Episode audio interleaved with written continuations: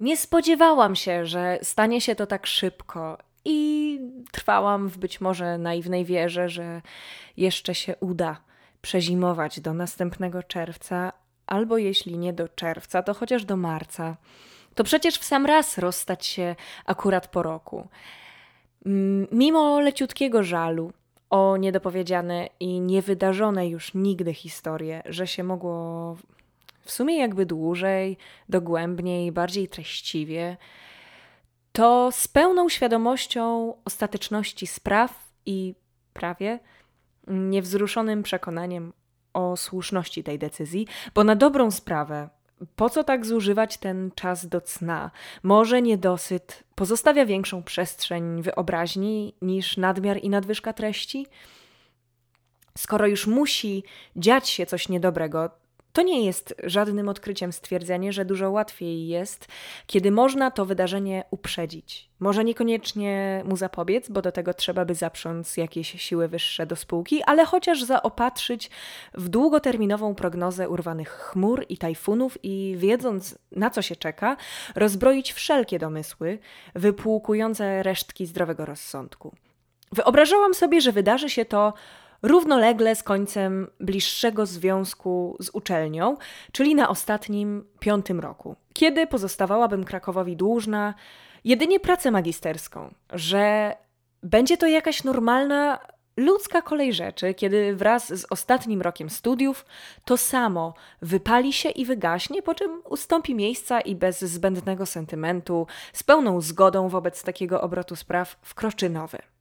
A jest mi dziwnie, że, że to tak nagle i bez zapowiedzi, bo nawet nie zdążyłam się zasmucić i zorganizować pożegnań rzeczy ostatnich. Takich jak wtedy, gdy wyjeżdżałam z Krakowa na trzy miesiące pierwszych moich studenckich wakacji. Z tą różnicą, że wtedy wiedziałam, że będę mieć dokąd i po co wracać. No więc ogłaszam, iż jest to ostatni podcast z wątkiem krakowskim w tle. Przez ostatnie dni pisałam na podłodze albo w łóżku, bo stół i krzesła wyprawiłam do domu. Moja mama, gdy je zobaczy, pewnie powie, że są brzydkie i po co tak cudować, to bardzo maminne słowo, i przejmować się losem czegoś ze śmietnika. Pokój, który mrówczo urządzałam przez pół roku, to niedużo, bo gazety, w których przywiozłam ceramikę i szkło, nie zdążyły się nawet zestarzeć, który sklejałam z detali i importowanych z domu sentymentów, stał się obcą próżnią. Dźwięki nie mają się już od czego odbić. W pokoju jest też jaśniej niż zazwyczaj, mimo stanowczej i nieustępliwej, rzęsistej ulewy, która zdaje się pierwsza nie zmięknie, zanim wszyscy nie porzucimy marzeń o rychłym powrocie lata. Ogłupiałe cząsteczki światła, nie mogąc znaleźć sobie miejsca, skrawka, obojętnie czego, liścia, rękawa, okładki książki, obdarzają pustą przestrzeń niezasłużonym blaskiem. Tempa biel jarzy się ze ścian, dając znać niegrzecznie i bez ogródek, że to najwyższa pora wychodzić. Wrócę tu, ale nie tu, bo w tym mieszkaniu przy retoryka na czwartym piętrze, z drewnianym parkietem i oknami na zachodnią stronę, o których marzyłam, wydarzy się czyjaś inna przyszłość, niepodnajęta, nietymczasowa, którą uprzedzi prucie ścian i remont kuchni na taką z katalogu Ikei. Dopiero teraz, kiedy nie widzę końca pakowania swojego życia w bąbelki i okrywania wszystkiego, co kruche czarnym streczem pachnącym śmiercią, widzę, że wyposażyłam się w obłędne ilości talerzy i szklanek, licząc na przyjście gości, którzy nie przyszli. No i trochę nie wiem, co będzie ze mną dalej. To moja piąta albo szósta przeprowadzka w ciągu roku. Wrócę do Krakowa jeszcze ostatni raz między listopadem a styczniem, ale to już tylko na przechowanie, bez targania za sobą ogona rzeczy, żeby tylko przezimować tam tyle, ile trzeba, ani dnia dłużej, już bez wchodzenia w intymności z miastem i jego zawartością, żeby popracować nad dyplomem, cieszyć się jego premierą, później zagrać go parę, daj Boże, naście razy i cześć, see you guys no more. Wracam więc do Warszawy, która to już na stałe stanie się centrum zdarzeń kulturalnych i kulinarnych podbojów, o których będę tu opowiadać. Trochę przetrąciła mnie ta sytuacja i emocjonalnie rozpruła. Ta pośpieszność właśnie jest największą nieprzyjemnością, chropowatością tej historii. Mój jednoosobowy dom i cały świat wokół niego, składający się z rzeczy nie więcej niż prozaicznych i mdłych, jak wybór zawieszki do kibla, lecz nadających zadziwiająco wyraźny kształt i strukturę codzienności, uległ nagle rozwiązaniu, unieważnieniu. Można się rozejść. Siatki tras spożywczych, rowerowych, sentymentalnych i tych zupełnie bezmyślnych i bezładnych, popełnianych w czasie międzymiastowych telefonicznych spacerów, można uznać za archiwalne. Nic się w sumie nie stało, można by powiedzieć, bo to przecież taki czas w życiu, studia, wiele się dzieje, jeszcze więcej się zmienia. Później już tak nie będzie, później to praca, kredyt i dzieci w ilościach nieumyślnie hurtowych, więc jeszcze zatęsknisz. Zatęsknisz, jak już się zasiedzisz w tym swoim wysoce zaawansowanym, ekspercko dorosłym życiu. Być może, ale to nie o tym.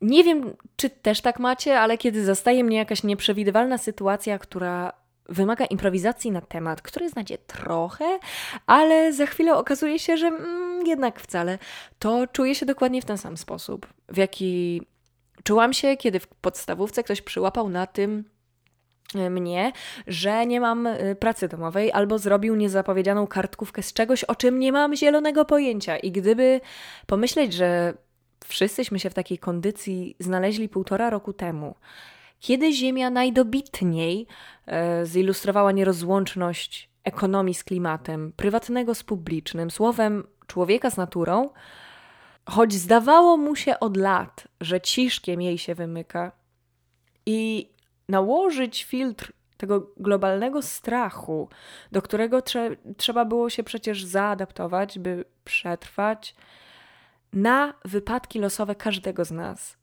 no to robi się trudne do strawienia kombo. Bo ja już naprawdę, naprawdę mam dość przeprowadzek, tego, że świat się trzęsie jak galareta, widmo kolejnej fali korony nadciąga i może ja jestem w głębi duszy stara albo nienowoczesna, a może jedno i drugie, ale po dziwactwie i rozchwianiu minionych kilkunastu miesięcy odczuwam wzmożoną potrzebę posiadania miejsca, własnego pokoju, to jest w ogóle, nawiasem mówiąc, tytuł bardzo mądrego podcastu Tygodnika Powszechnego, prowadzonego przez Katarzynę Kubisiowską.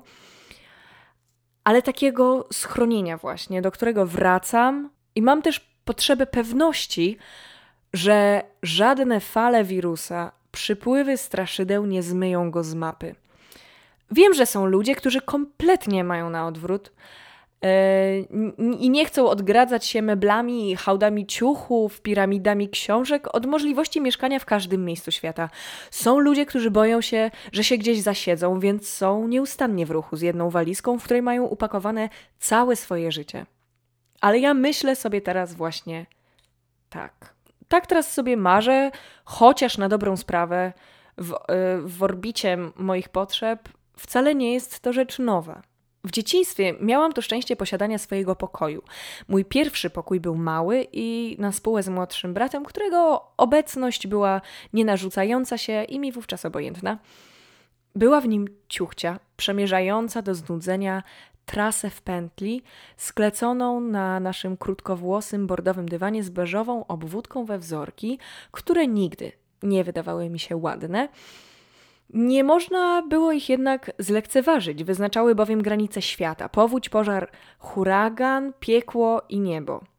W epicentrum tego świata mieścił się dwupiętrowy plastikowy parking z windą. Prezent od świętego Mikołaja, arcydzieło śmierdzącego syntetycznie budownictwa, materializacja nieskończoności, i moja czerwona kosmetyczka. Gratis z gazetki, otchłań skarbów i zabawek z Kinder Niespodzianki oraz karteczki z czarodziejkami e, Will, Irmą, Taranek, Cornelią i Hej.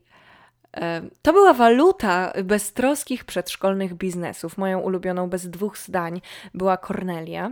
I słuchajcie, kiedyś na bal karnawałowy mama uszyła mi jej strój i zrobiła skrzydła z drutu. Więc jeśli to nie jest spełnieniem marzeń, to naprawdę nie wiem, co nim jest. A teraz wpiszcie sobie w Google Witch, czarodziejki, karteczki i poczujcie to. Po prostu zróbcie to i zobaczcie, jak wam się natychmiast y, zrobi błogo. Z czasem, kiedy miałam 5 lat i wciąż trudziłam się dealowaniem papierem za papier, Nasza rodzina doczekała się nowej członkini, drugiej córki, trzeciego dziecka, piątej osoby dziedziczącej to samo zacne poojcowskie nazwisko. Wtedy właśnie przeprowadziłam się po raz pierwszy w życiu do domu, którego budowa wydawała mi się procesem w tej samej mierze żmudnym i niebywale fascynującym. Kiedy robiło się ciepło, a nasz dom zaczynał z prętów wbitych w gołą ziemię nabierać wreszcie kształtów, przychodziliśmy popołudniami siedzieć na trawie, dzikiej i nieokiełznanej, z makami i mleczami, z których mama plotła wianki, by wpatrywać się w tatę pod słońcem, który oblewa fundamenty wodą żeby najwidoczniej rosły szybciej. A za nami przychodziła babcia z arsenałem przekąsek i ciasteczek, lubisiów, łódeczek z truskawkowym nadzieniem, byśmy i my rośli rumiani i czerstwi, żadne chude relaki i mizeroty. Jeść trzeba, Basiu, żeby mieć ładną, znaczy krągłą buźkę i podobać się chłopakom, znaczy znaleźć męża. I mój naprawdę pierwszy pokój, już bez brata w komplecie, y, skomponowany według moich zapatrywań i ówczesnych niezbyt łaskawych gustów, miał różowe ściany, różowe zasłonki w księżniczki i meble o ciężkich, tłustych kształtach z niebieskimi frontami. System Małgośka, które miała co druga koleżanka ze szkoły. Była też w nim wieża, przy której śpiewałam Adele, i keyboard za hajs z komunii, na którym nawiasem mówiąc, gram do dziś i nawet nadal się lubimy. Bardzo często robiłam przemeblowania, wieszałam plakaty i zdjęcia, yy, za które chciał wydziedziczyć mnie mój tata, a raczej za częste zmiany koncepcji, które zostawiały ubytki w farbie. Miałam nawet jakiś przedziwny koncept, by z karteczek z kolorowego bloczku biurowego powycinać litery – i przykleić je do ściany. Był to cytat z jakiejś piosenki Amy Winehouse, y, jaki dokładnie nie pamiętam.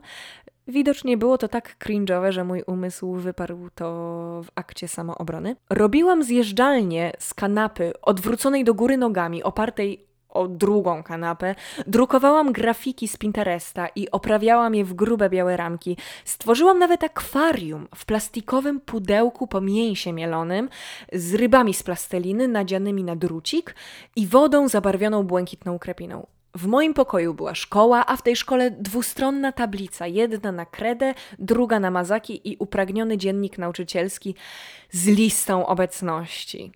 Była kawiarnia, w której za 2,50 wedle menu skleconego w Wordzie można było dostać e, deser lodowy, dwie gałki lodów Algida z bitą śmietaną z proszku i tęczową posypką. Czasem w gratisie była jeszcze polewa.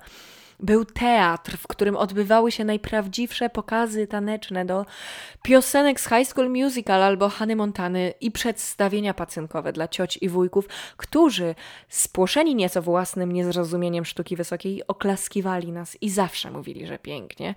A kiedy byłam starsza, i dojrzała na tyle, by wreszcie zawiadywać własnym hajsem z urodzin, który w odróżnieniu od tego z komunii nie znikał w niewyjaśnionych dotąd okolicznościach, to lubiłam wydawać go nie na ubrania, a na meble i dodatki do mojego pokoju. Chociaż epizod poliestrowego zaćmienia umysłu i głodu posiadania szmat z plastików, których jedyne co było można to się porządnie zapocić, też mnie dopadł w swym czasie, ale w ogóle rozkwit mojego stylu w gimnazjum to historia wybujała na tyle, by poświęcić jej cały odcinek.